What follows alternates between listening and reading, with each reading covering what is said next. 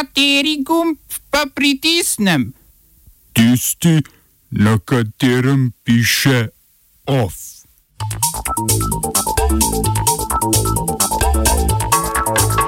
Japonska in Avstralija dosegli sporazum o vojaškem sodelovanju.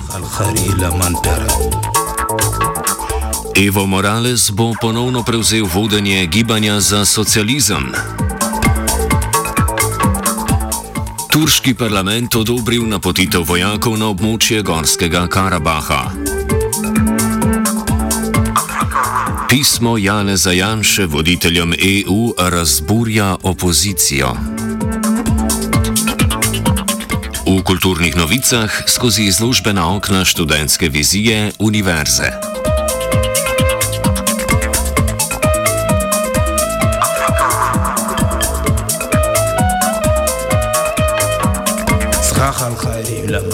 Avstralski premijer Scott Morrison je na obisku v Tokiu z japonskim kolegom Yoshi Hidejem Sugo dosegel dogovor o vojaškem sodelovanju med državama. Dogovor omogoča, da bodo vojaške sile obeh držav izvajale skupne vaje na teritoriju ene ali druge države in potencialno izvajale skupne vojaške operacije. To vrsten pakt je za Japonce prvi po letu 1960, ki dovoljuje tuji vojaški tuji vojski delovanje znotraj japonskih meja, z njim pa se tudi zmanjšuje ekskluzivno zanašanje na partnerstvo ZDA. Sporozum lahko vidimo tudi kot posledico prizadevanj zavezništva štirih držav, poleg Avstralije in Japonske še Indije in ZDA, da bi zmanjšale vpliv Kitajske v Južno-Kitajskem morju. Zaradi tega je sporozum pričakovano uspodbudil reakcije na kitajski strani. Zunanje ministrstvo v Pekingu je izrazilo mnenje, da gre za še eno v seriji avstralskih provokacij v želji po zaostrovanju odnosov do Kitajske. Med drugim so Avstralci pozivali k preiskavi izvora virusa SARS-CoV-2, v zameno pa je Kitajska na uvoz nekaterih izdelkov avstralskega porekla uvedla visoke carine.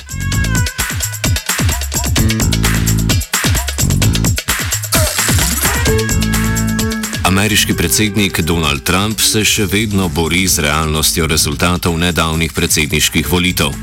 Potem, ko je vodja Agencije za kibernetsko varnost in, in infrastrukturo Chris Krebs večkrat izrazil mnenje, da na volitvah ni prišlo do večjih nepravilnosti, ga je Trump, kot se je sam izrazil na Twitterju, nemudoma in učinkovito, zelo učinkovito odstranil z položaja. Agencija je sicer bila kot oddelek Ministrstva za domovinsko varnost ustanovljena leta 2018, torej v Trumpovem mandatu. Kljub številnim tožbam, ki jih je Trumpova ekipa sprožila po koncu volitev o prijemljivih dokazov o prevarah, zaenkrat ni na vidiku. Časa za predložitev le teh pa jim počasi zmanjkuje. Ameriški volilni elektori se bodo sestali 14. decembra.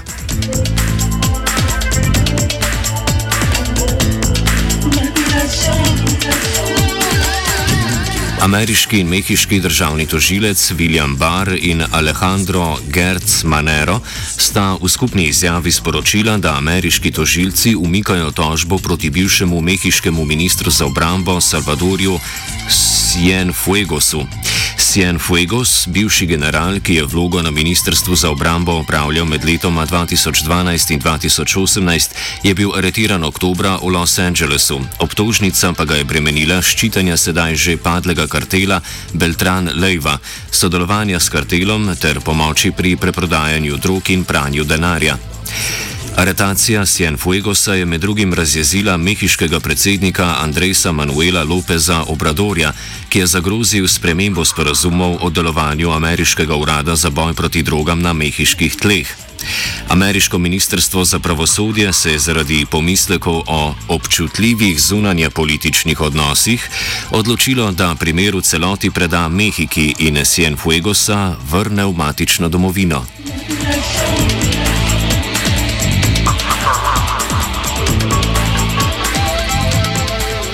Turški parlament je odobril napotitev vojske v regijo Gorski Karabah, kjer bodo na željo azerbejdžanskih oblasti skupaj z ruskimi vojaki nadzirali prekinitev ognja med armenskimi in azerbejdžanskimi silami.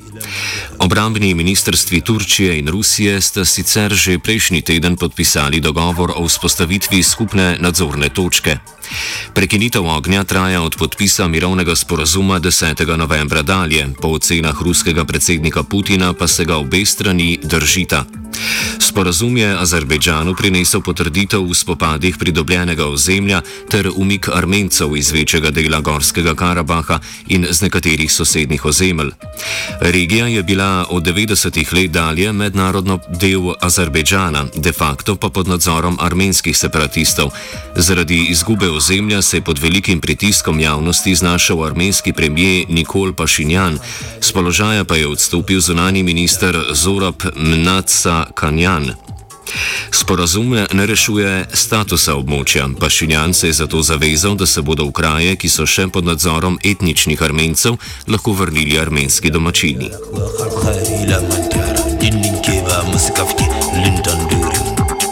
Linton Dolgoletni predsednik Bolivije Evo Morales je po vrnitvi v Bolivijo po enoletnem izgnanstvu dosegel novo zmago. Na srečanju strankarskih vodij devetih departmajev je bil namreč soglasno ponovno izvoljen za predsednika Gibanja za socializem. Morales je bil državo primoran zapustiti potem, ko je v luči domnevnih in nikoli dokazanih nepravilnostih na lanskih predsedniških volitvah izgubil podporo vojske. Po večkratnem pre predstavljanju so volitve ponovno izvedli oktobra letos, na njih pa je prepričljivo slavil Luis Arce, njegov zaveznik in prav tako predstavnik Gibanja za socializem.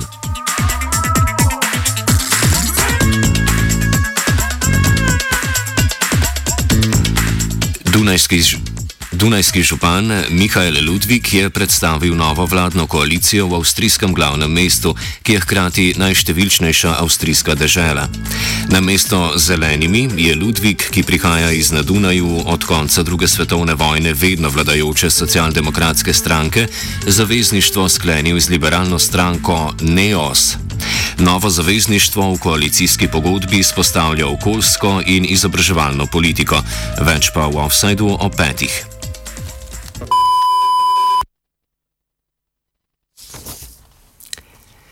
V javnost prihajajo ocene učinkovitosti novih cepiv proti koronavirusu. Cepivo ameriškega podjetja Moderna ocenjujejo kot 94,5 odstotno, kar je izračunano iz podatkov, da je od vključenih v raziskavo 95 posameznikov zbolelo za COVID-19. Od teh jih je bilo pet iz skupine cepljenih, ostalih 90 pa iz kontrolne skupine, ki je sprejela oziroma prejela placebo. V primeru cepiva sodelujočih podjetij Pfizer in BioNTech pa se je v primeru cepljenih posameznikov okužilo 90 odstotkov manj ljudi kot v kontrolni skupini. Cepiva lahko z delovanjem na imunski sistem posameznika na različne načine vplivajo na potek in širjenje bolezni, lahko preprečijo okužbo pri cepljenem posamezniku, lahko preprečijo hujši potek bolezni ali zmanjšujejo kužnost cepljenega posameznika. Ali nova cepiva proti korono, koronavirusni bolezni popolnoma preprečijo okužbo ali pa se lahko še vedno okužimo, vendar ne zbolimo, še ni jasno. Bo pa to poleg podatkov o delovanju cepiva v različnih starostnih in rizičnih skupinah postalo pomembno pri oblikovanju dolgoročne strategije cepljenja.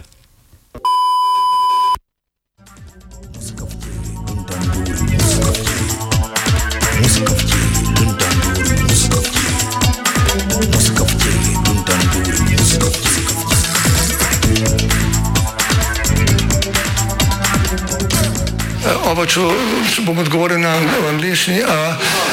Slovenija will try to help. Uh, we can. Slovenija will. Uh, and we will. Do our utmost. To say that the situation is.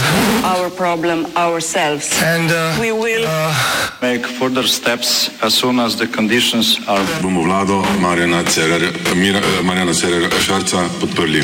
Very, very serious. News from Slovenia. We know how and we will. Na domačem političnem parketu, pa tudi v tujih medijih, odmeva uradno pismo Jana Zajanše vsem predsednikom vlad Evropske unije in predsedniku Evropskega sveta Šarlu Mišelu. Janša se je v pismu obregnil o poskuse unije, da bi izplačilo proračunskih sredstev vezala na, na vladavino prava, saj naj bi šlo pri tem za politično motivirano sankcioniranje nekaterih držav. S tem se je postavil na stran Mačarske in Polske, ki sta zaradi te določbe določbe vložili veto na uredbo o večletnem proračunu. Na pismo so se ogorčeno odzvali predstavniki opozicije, podpore pa Janši niso ponudili niti v koalicijskih strankah. Ministr za zdravje Tomaš Gantar je podal oceno, da pismo Slovenijo postavlja med problematične države. V SMC pa so se odzvali tudi na besede o ukradenih volitvah leta 2014, ki jih je dobil prav SMC, takrat kot stranka Mira Cerarja.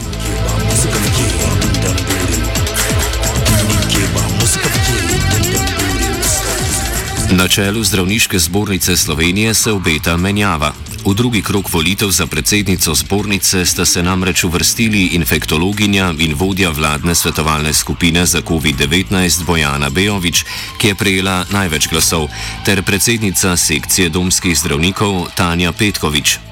Aktualna predsednica Zdenka Čebašek Travnik je prejela najmanj glasov. Volitve so potekale po pošti, udeležba pa je bila 50,7 odstotna. Za veljavnost volitev je svoj glas morala vdati polovica volilnih upravičencev. Mandat predsednice zdravniške zbornice traja štiri leta z možnostjo enkratne ponovne izvolitve.